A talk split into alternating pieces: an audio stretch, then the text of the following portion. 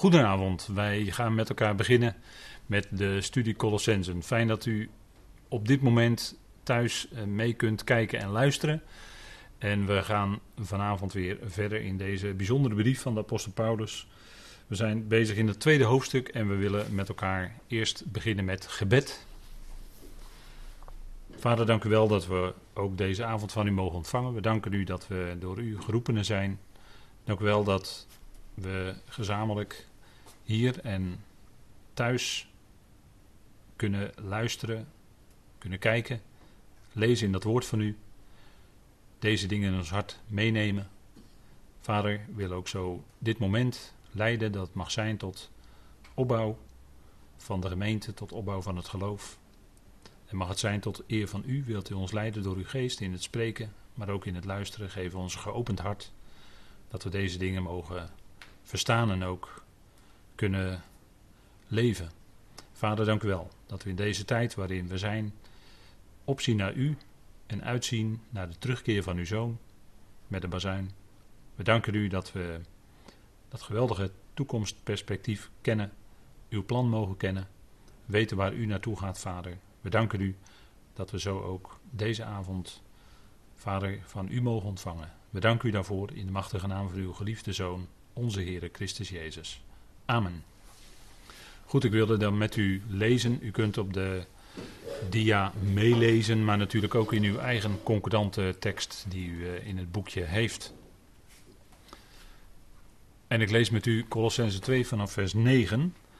En daar staat, want in hem woont het hele complement van de Godheid lichamelijk. En jullie zijn compleet gemaakt in hem, die het hoofd is van iedere soevereiniteit en gevolmachtigde. In hem ook werden jullie besneden met een besnijdenis, niet met handen verricht, in het afstropen van het lichaam van het vlees in de besnijdenis van Christus. Tezamen met hem begraven zijnd in de doop. In hem ook werden jullie tezamen opgewekt door het geloof in de werkzaamheid van God, die hem opgewekt heeft uit de doden. Ook jullie, die dood zijn voor de krenkingen en de voorheid van jullie vlees. Hij maakt ons gezamenlijk levend met hem ons genade schenkend voor alle krenkingen. Goed, tot zover. En we waren de vorige keer gebleven in vers 10. We zijn de vorige studie in bijna in juichtoon geëindigd toen we dit lazen met elkaar. En toen, als dat tot u doordringt, dan denk ik dat u, wat hier ook op deze dia staat, alleen maar kan zeggen: Dank u, Heer, dank u. Jullie zijn compleet gemaakt in Hem. En in deze brief gaat het om Christus. Christus staat centraal, hij is het hoofd. En wij zijn in hem compleet gemaakt. En we hebben de vorige keer gezien dat hij het antwoord is op alle filosofie. Dat hij het antwoord is op alle religie. Dat we dus geen filosofie of religie van mensen nodig hebben, maar dat we Christus nodig hebben. En daar gaat het maar om. Het gaat om Hem. Het gaat niet om onszelf, het gaat om de Heer. En als je dat beseft dat je compleet gemaakt bent in Hem, dan weet je ook dat je geen enkele religieuze verplichting hoeft te vervullen. Dat je geen enkele filosofie nodig hebt om iets te kunnen weten over God. De God en Vader van onze Heer Jezus Christus bedoel ik dan, die in Tenach aangeduid wordt met zijn tijdnaam, vaak met zijn tijdnaam Yahweh. Dat hebben we ook afgelopen zondag gezien in ons uh, overwegen van het jaarthema. Het jaarthema voor 2021 is dat wij op de Heer vertrouwen met heel ons hart en niet op ons eigen inzicht steunen. Dat hebben we overwogen afgelopen zondag en ik denk dat dat toch een goed jaarthema is in deze tijd waarin we leven, waarin veel aan de hand is, waarin de wereld er totaal anders uitziet dan een jaar geleden. En noemt u maar op. En dan hebben we het nodig dat we ons veilig en geborgen weten bij onze Heer. En dat is ook zo. En als u dat ervaart, dan is dat geweldig fijn. En anders zou ik zeggen: stel uw vertrouwen op de Heer. Vertrouw op Hem. Hij zal het doen. En ook, ja, eh, dat woord vertrouwen, dat komt dan heel vaak voor in Tenach. Dat is een ander woord dan, ons, dan het bekende woord geloven, wat in het Hebreeuws het woord amen is, of amen. Dit is een ander woord in het Hebreeuws, het woord vertrouwen. En dat komt vaak voor. Onder andere in, en dan moet ik dan aan denken, in Psalm 37. Daar staat ook vertrouwen op de Heer. En dan wordt er iets gezegd van in vers 5: Wentel je weg op Hem. En Hij zal het maken.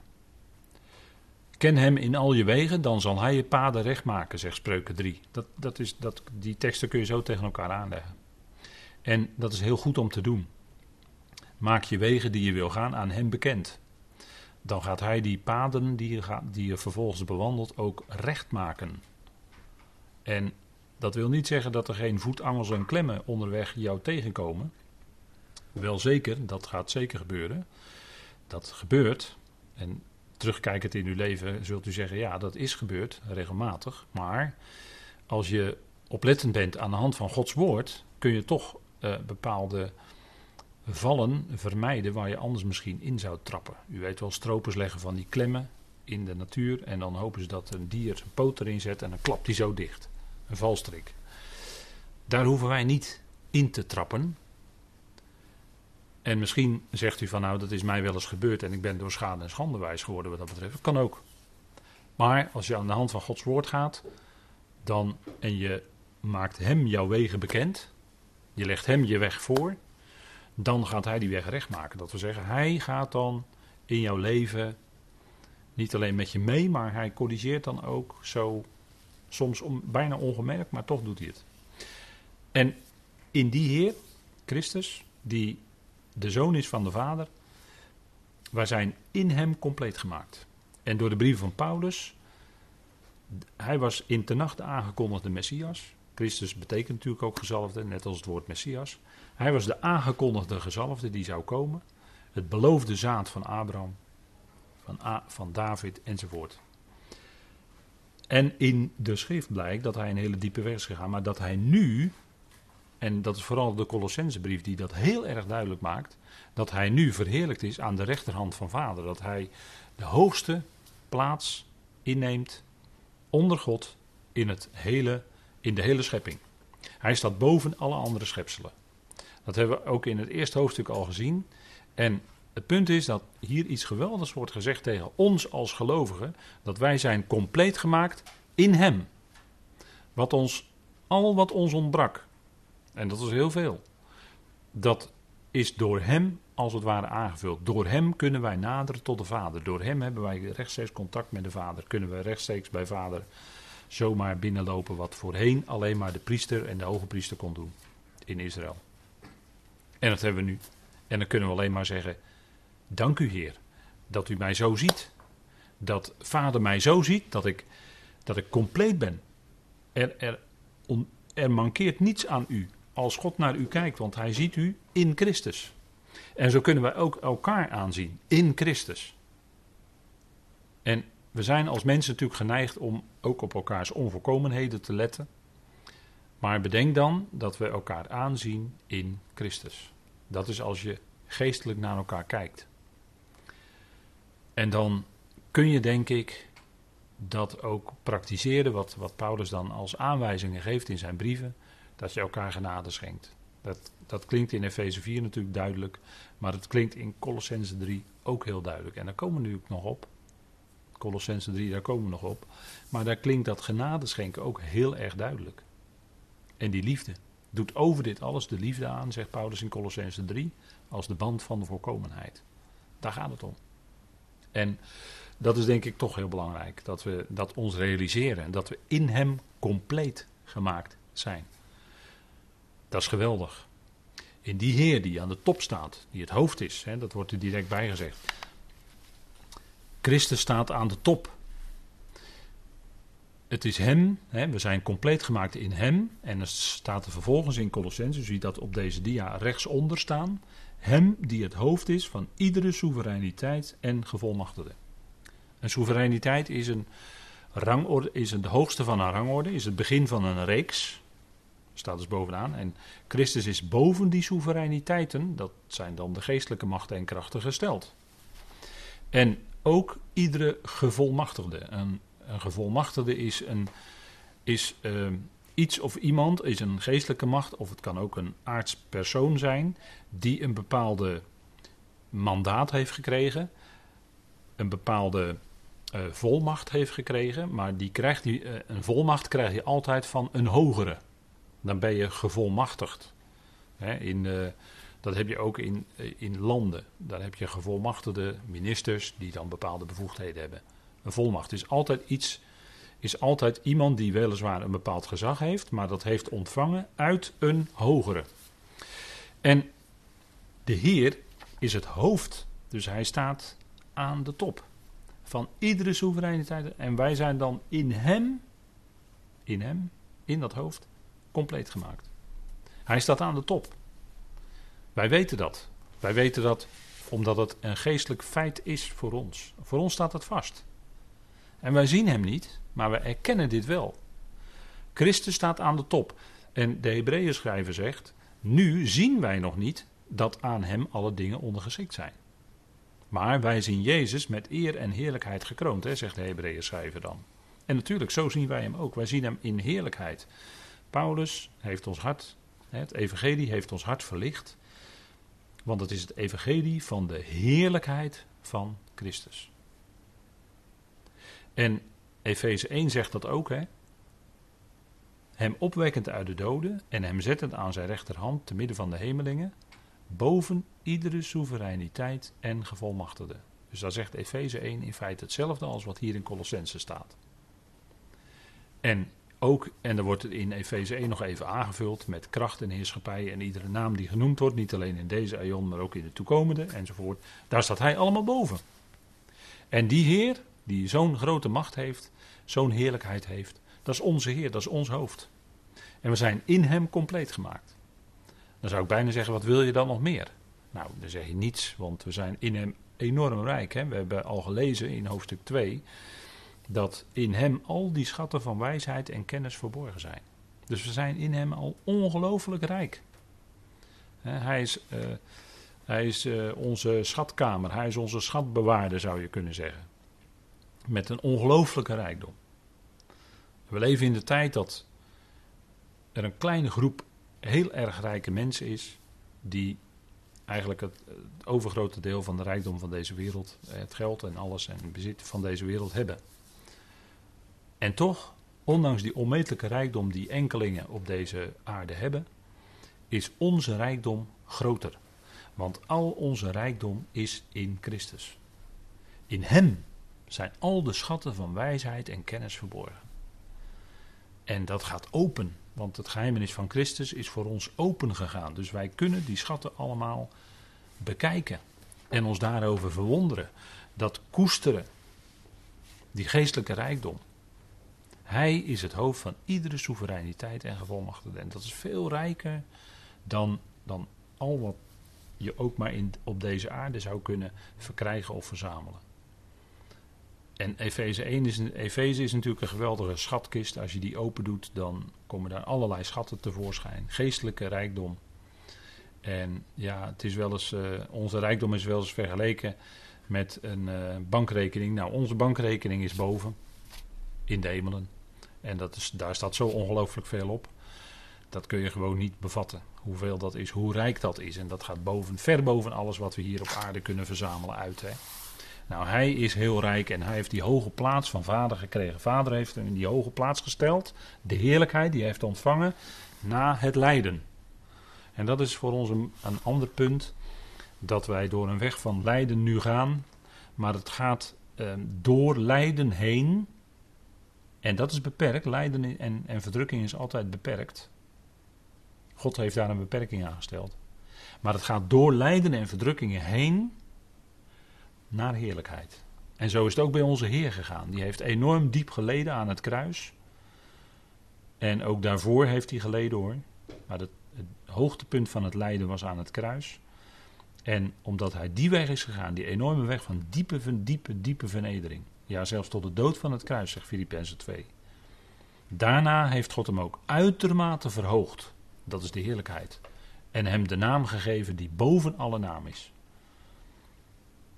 opdat in die naam, en dat is natuurlijk geweldig, en dat is ook zo rijk, dat in die naam, Yahweh is redder, dat alle knie zich zal buigen en dat elke tong van harte zal beleiden dat Jezus Heer is. Elke tong. Ja. Van heel die schepping, al die schepselen. Dus ook de ergste vijand, ja, ook de ergste vijand. Die gaat eens de Heer loven en prijzen. En erkennen als Heer. Dat is geweldig, hè? Dat is misschien wel de grootste overwinning, zou je kunnen zeggen. Maar die overwinning is in principe al behaald hè, op Golgotha. En dat lezen we ook in hetzelfde hoofdstuk, een paar versen verder. Daar komen we vanavond niet aan, vers 15. Daar hopen we dan een volgende keer aan te komen. Dat hij al die machten en krachten heeft hij openlijk tentoongesteld en zo over hen gezegevierd. He, staat er dan in vers 15 heel mooi. Dat is gebeurd door het kruis. Door, en dat is, dat is natuurlijk van alles beslissende betekenis geweest. Het kruis van onze Heer Jezus Christus 2000 jaar geleden, daar is het allemaal beslist. Daar heeft Hij de zonde van de wereld gedragen. Daar heeft Hij al die geestelijke machten en krachten heeft Hij uh, te kijk gezet als het ware. En zo ook in, in, in, in principe al de overwinning behaald. Nou, dat is natuurlijk fantastisch hè. En dan wordt er iets gezegd over ons. In hem ook, in hem ook, in Christus, in die Heer, werden jullie besneden met een besnijdenis, niet met handen verricht, in het afstropen van het lichaam van het vlees in de besnijdenis van Christus. Nou, dat is ook een tekst, daar kun je niet zomaar aan voorbij gaan. Daar kun je niet zomaar even zeggen van nou, dat is mooi en we lezen door. Nee, daar moet je natuurlijk mee bezig zijn. Hè? Wat betekent dat allemaal?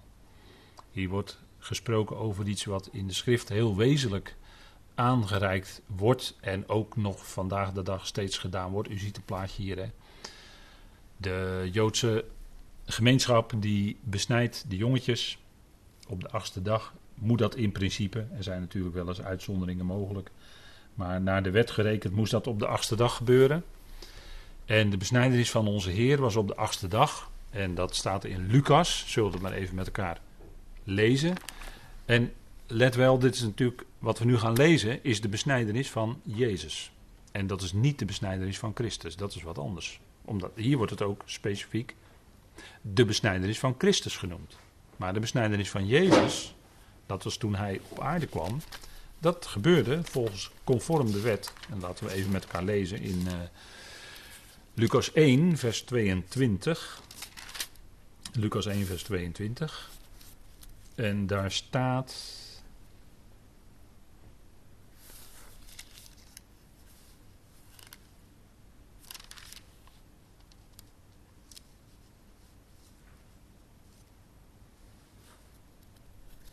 Twee, pardon, correctie van mijn kant. Ik heb het niet goed op de dia vermeld. Het is Lucas 2, vers 22. Lucas 2, vers 22.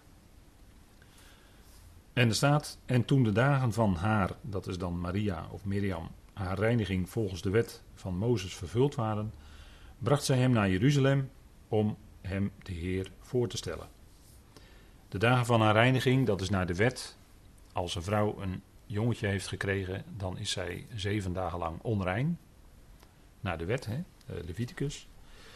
En uh, dan, kan het, dan kan het kindje daarna kan het kindje besneden worden. Dat is een voorschrift uit uh, Leviticus 13. En dat pak ik er ook even bij. Dat is natuurlijk de Torah, hè, de onderwijzing. Lucas 13, sorry, Lucas 12, of uh, Leviticus 12.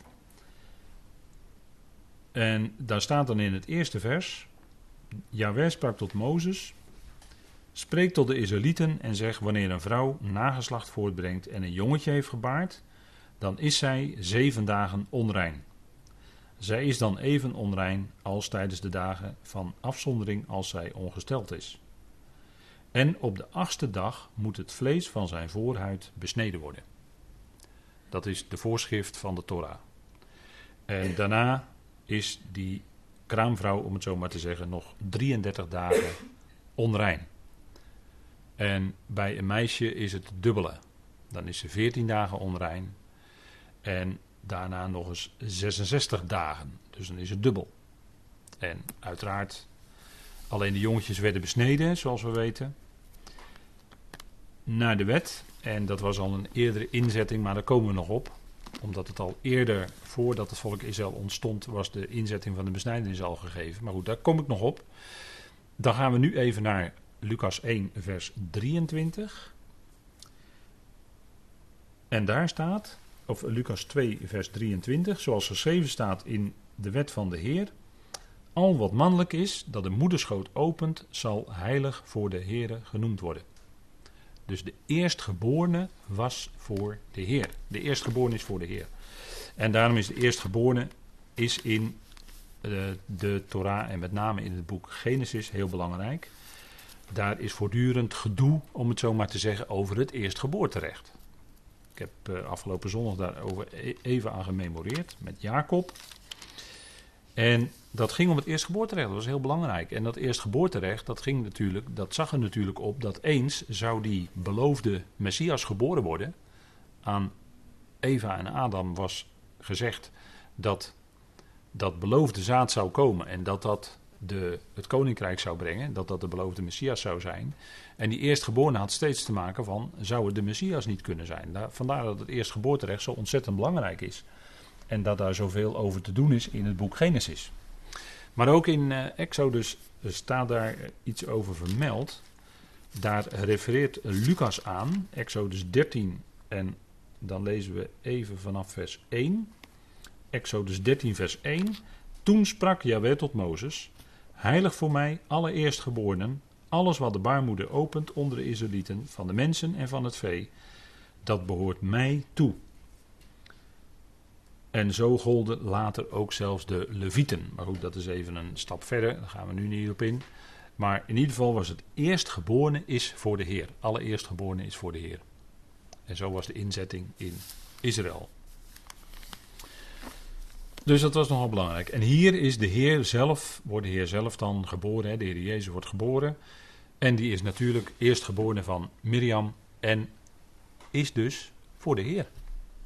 De Heer zelf is natuurlijk van zijn God en Vader. Van zijn Heren, om het zo maar te zeggen. Van zijn uh, God en van zijn Vader.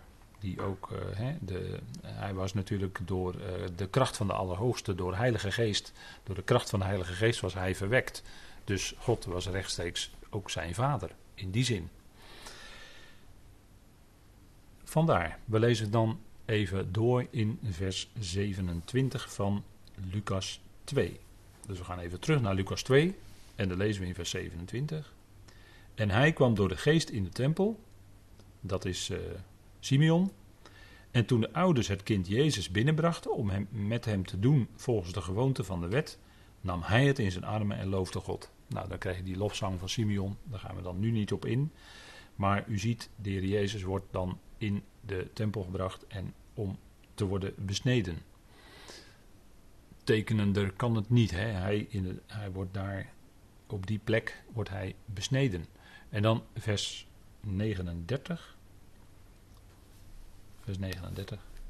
En toen zij alles volbracht hadden wat er volgens de wet van de Heer uh, toen ze alles volbracht hadden volgens de wet van de Heer, keerden zij terug naar Galilea, naar hun stad Nazareth. En het, en, de, en het kind, de kleine jongen, groeide op en het werd gesterkt in de geest en vervuld met wijsheid. En de genade van God was op hem. Dus ze hadden alles volbracht. Ze, hadden ook, ze moesten dan ook een uh, offer brengen bij de besnijdenis. En uh, dat hadden ze gedaan. En toen was het op de achtste dag was hij dus besneden. En we weten ook dat het een krachtige symboliek is. Want zeven dagen en daarna komt de achtste dag. Zeven dagen is ook de tijd van deze oude, huidige schepping. En op de achtste dag is daar een nieuw begin. En de zevende dag komt nog, dat is de komende duizend jaar. Dat is de Shabbat voor de wereld, dat is het Shabbat voor Israël. De grote Shabbat. De komende duizend jaar is de Shabbat. Dat is de zevende, maar dat is nog in deze oude schepping. Maar daarna krijg je een nieuwe schepping. En dat is de achtste. Dat, dan, dan ben je voorbij de zeven, dus in de achtste. En dat is een nieuwe schepping. Getal 8 in de schrift is qua symboliek heeft dat te maken met de nieuwe schepping. En het getal 8 is in het Hebreeuws, of de letter get, in het Hebreeuws is ook de 8. En uh, ja, dat, dat is ook de letter die uh, het begin vormt van het woord voor genade. Gen. Gen. Dat begint met de get. En de get is de acht. En de tweede letter, dat is de noen, dat is de 50. En dat is dus 58. En 58 is zegt men, het getal van de Messias. Maar goed, dat is uh, symboliek. En dat laat ik verder even nu voor wat het is, maar het is wel van belang omdat we hier dus duidelijk lezen in de Torah ook dat op de achtste dag moest hij besneden worden.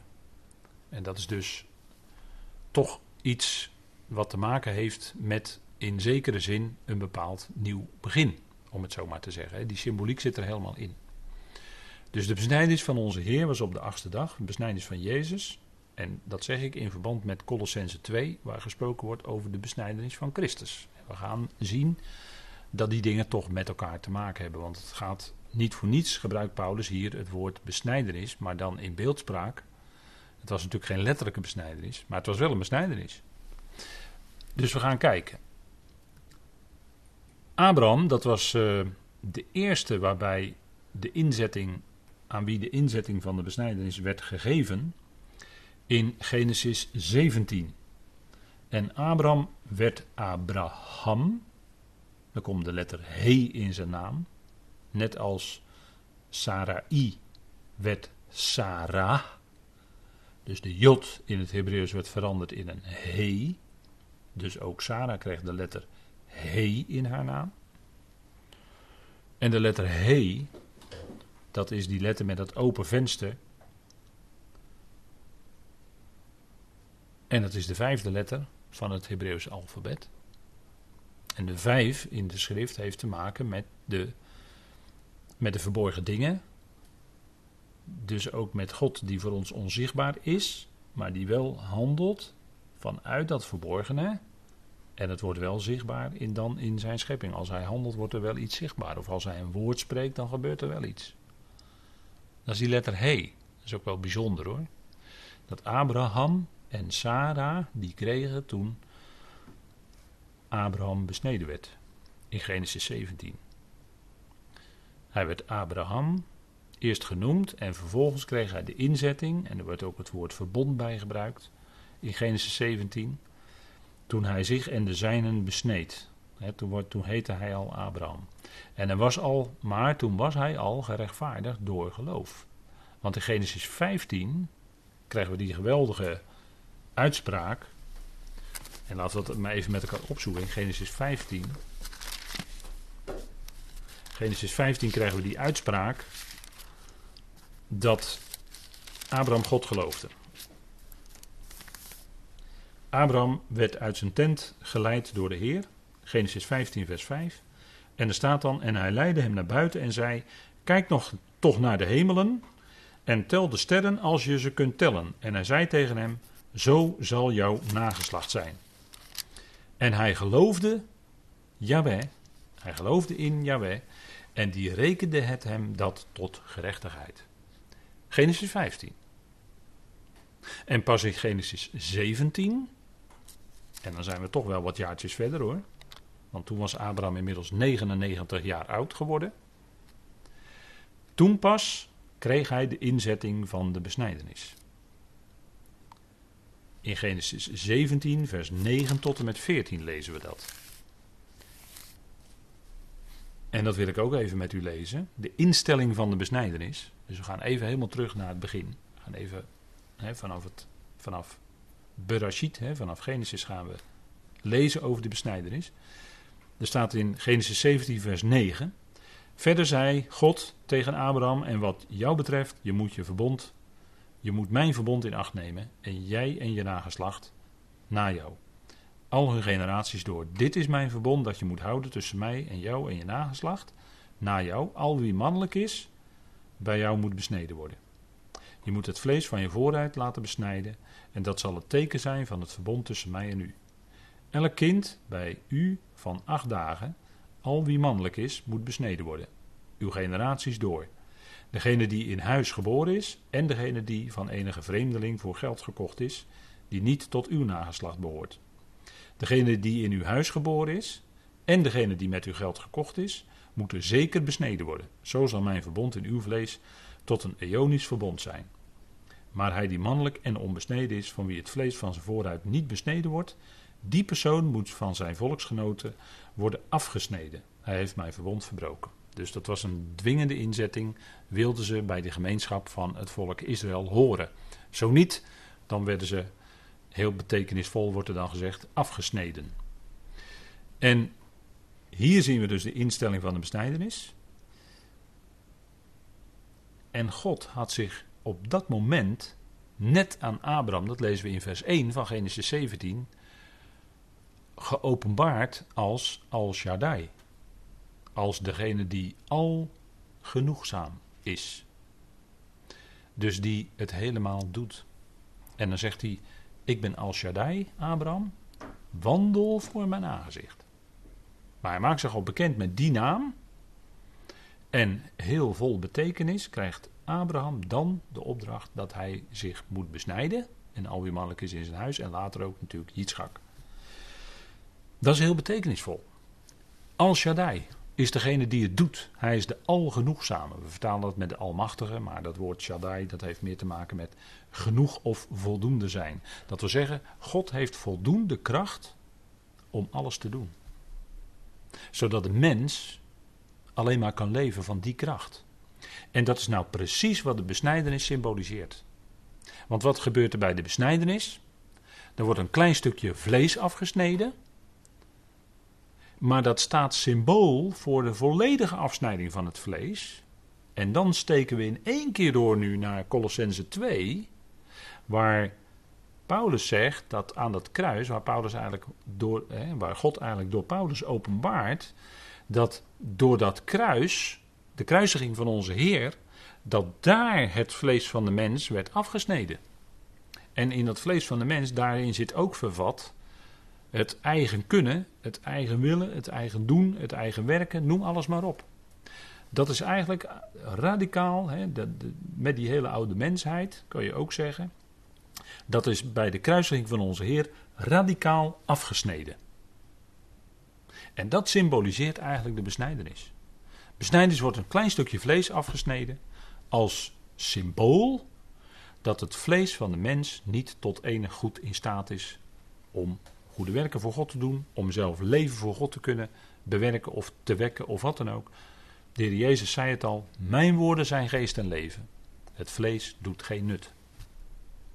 En dat wordt dus krachtig uitgedrukt in de besnijdenis. En, omdat, en dat wordt nog extra duidelijk als je dus beseft dat Al Shaddai dat zegt. Als God zich geopenbaard heeft als Al Shaddai, als degene die zegt: Ik doe het. Jij kunt het niet vanuit jouw vlees. Dat levert niks op.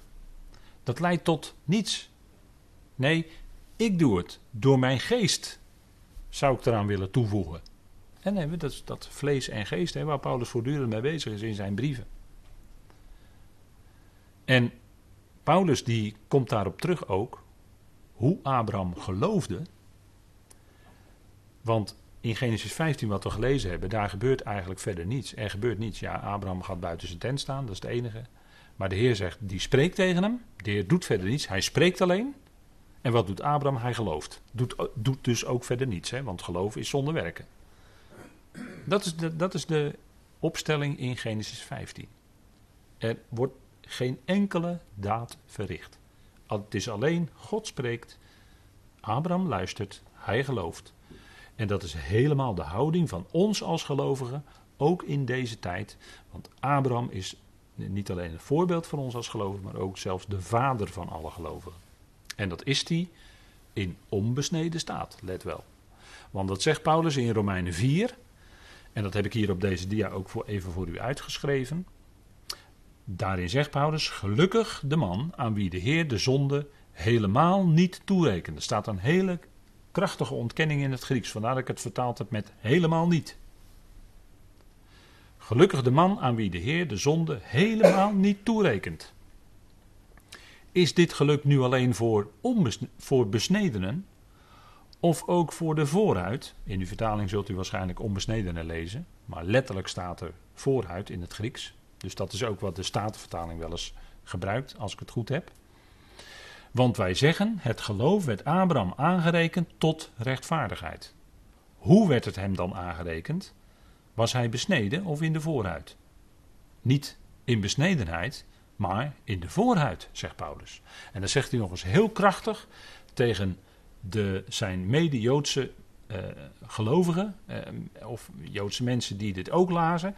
daar onderstreept hij dat nog eens een keer. Let op, Abraham werd gerechtvaardigd door geloof. En dat, dat stond los van zijn besnijdenis.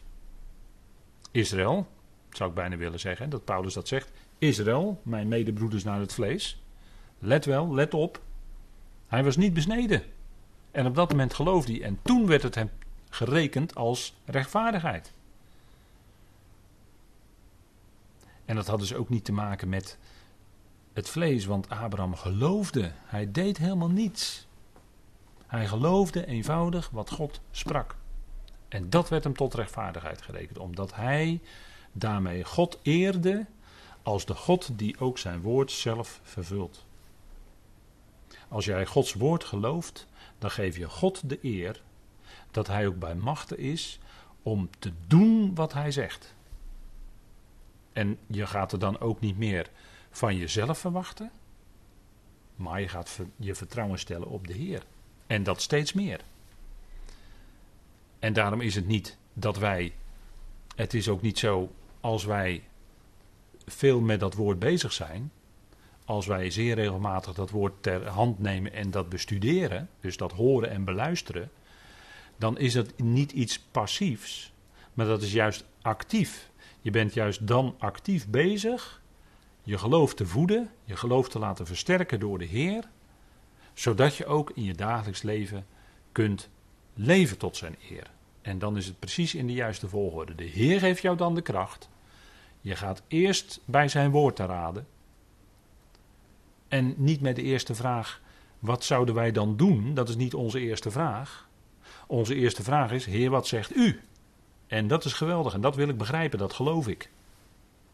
En dat je er vervolgens ook in je leven daarvan de gevolgen ondervindt, dat je leven verandert en dat je anders gaat leven, anders gaat willen, anders gaat doen. Dat is het gevolg daarvan. Maar dat is niet primair de reden waarom wij Gods woord bestuderen. Wij bestuderen dat omdat we geloven in die geweldige God die zichzelf daarin openbaart.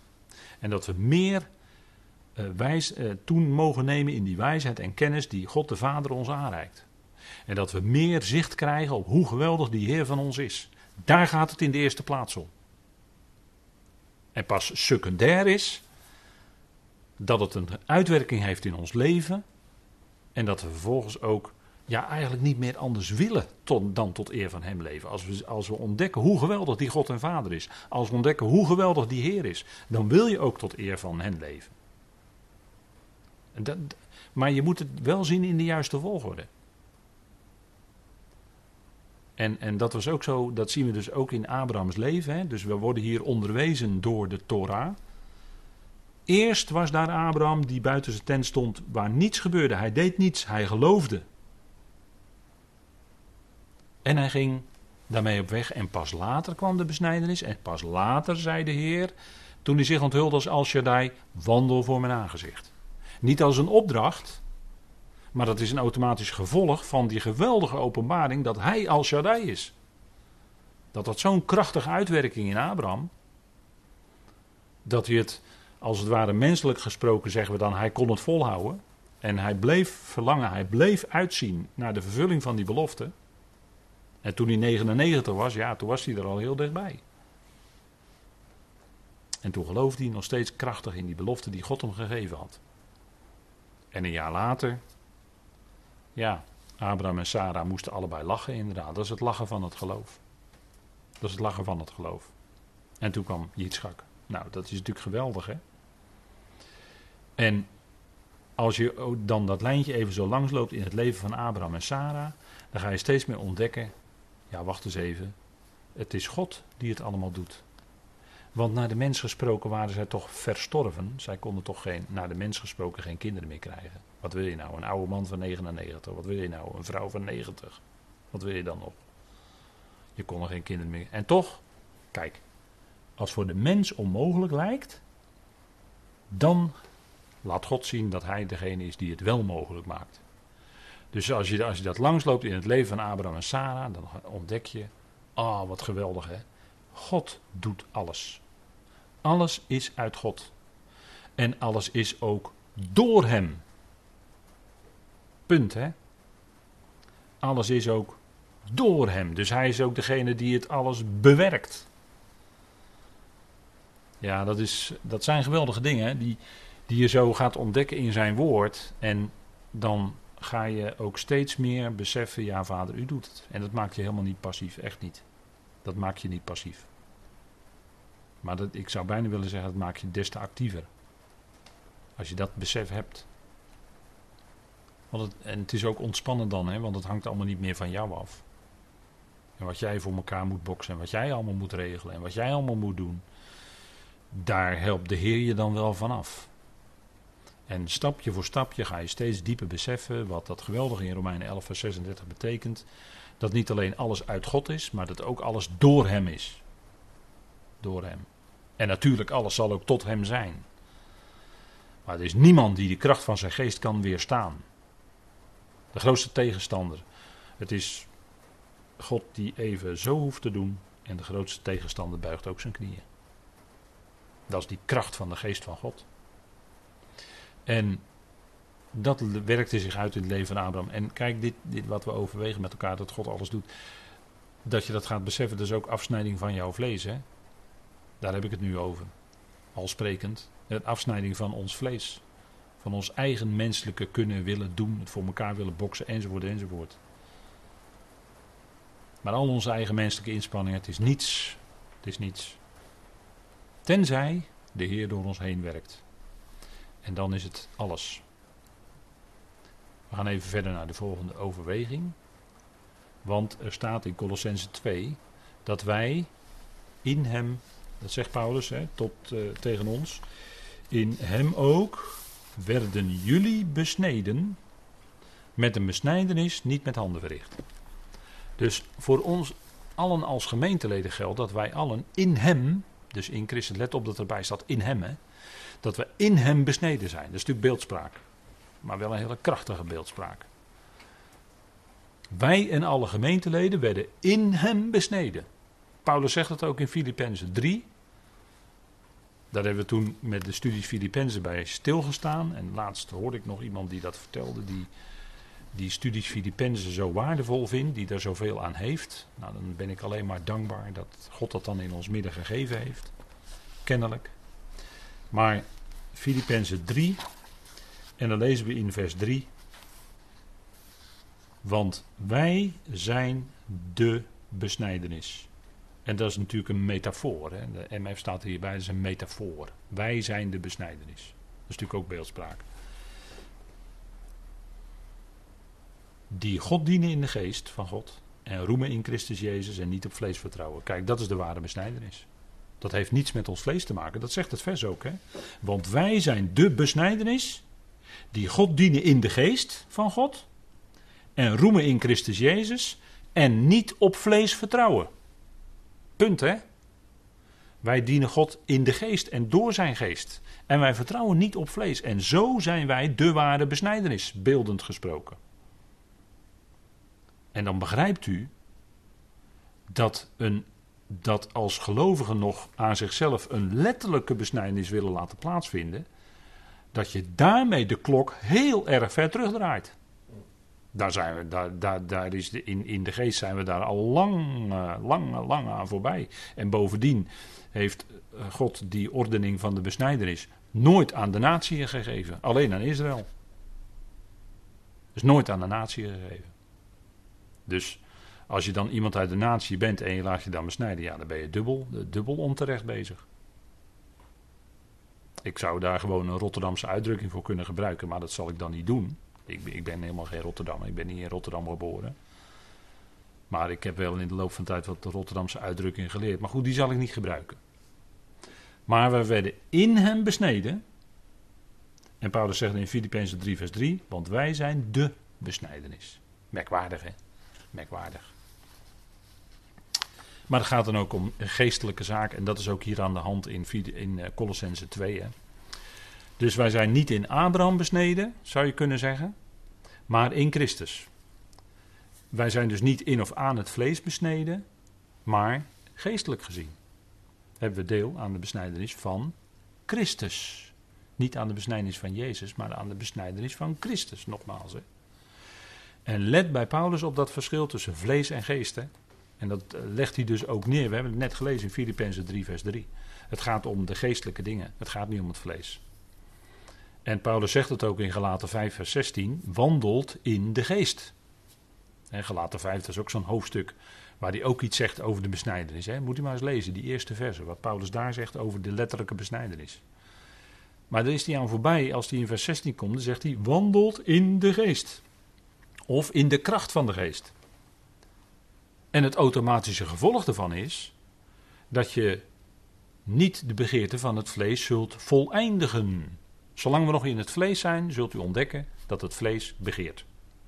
Maar je hoeft het begeerte van het vlees niet te voleindigen, als je, want je wandelt in de geest. Dat is heel ontspannen hoor.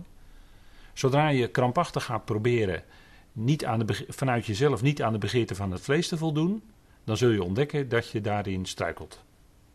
En dat je juist datgene doet, dan zit ik in Romeinen 7, wat je niet wil. Je gaat juist datgene doen wat je niet wil. Of waarvan je achteraf zegt, ja, ik heb behagen in de wet van God. Wat God zegt, dat vind ik geweldig. En toch merk ik dat in mijn vlees wat anders werkzaam is, enzovoort. Hè? Romeinen 7. En, maar dan ga je krampachtig proberen uit jezelf. En dan ben je toch weer vanuit je vlees bezig. Maar dan je vrome vlees. Nee, het is wandelt in de geest. Wandelt in de kracht van de geest. En het begin is dat je die schriften, dat je als je daarmee bezig bent, biddend, en je laat dat in je komen, dan is dat een geweldige voeding voor je geest, zodat je ook gaat wandelen in de geest. En het gevolg is, je voldoet niet aan de begeerte van het vlees. We gaan even pauzeren.